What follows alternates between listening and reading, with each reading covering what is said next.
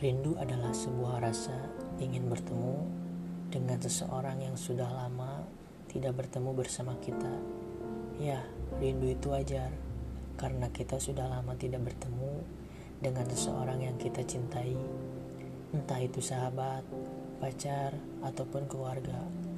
Tapi rindu yang berat adalah ketika kita merindukan seseorang, kita hanya bisa mendoakannya saja melalui doa agar dia selalu bahagia.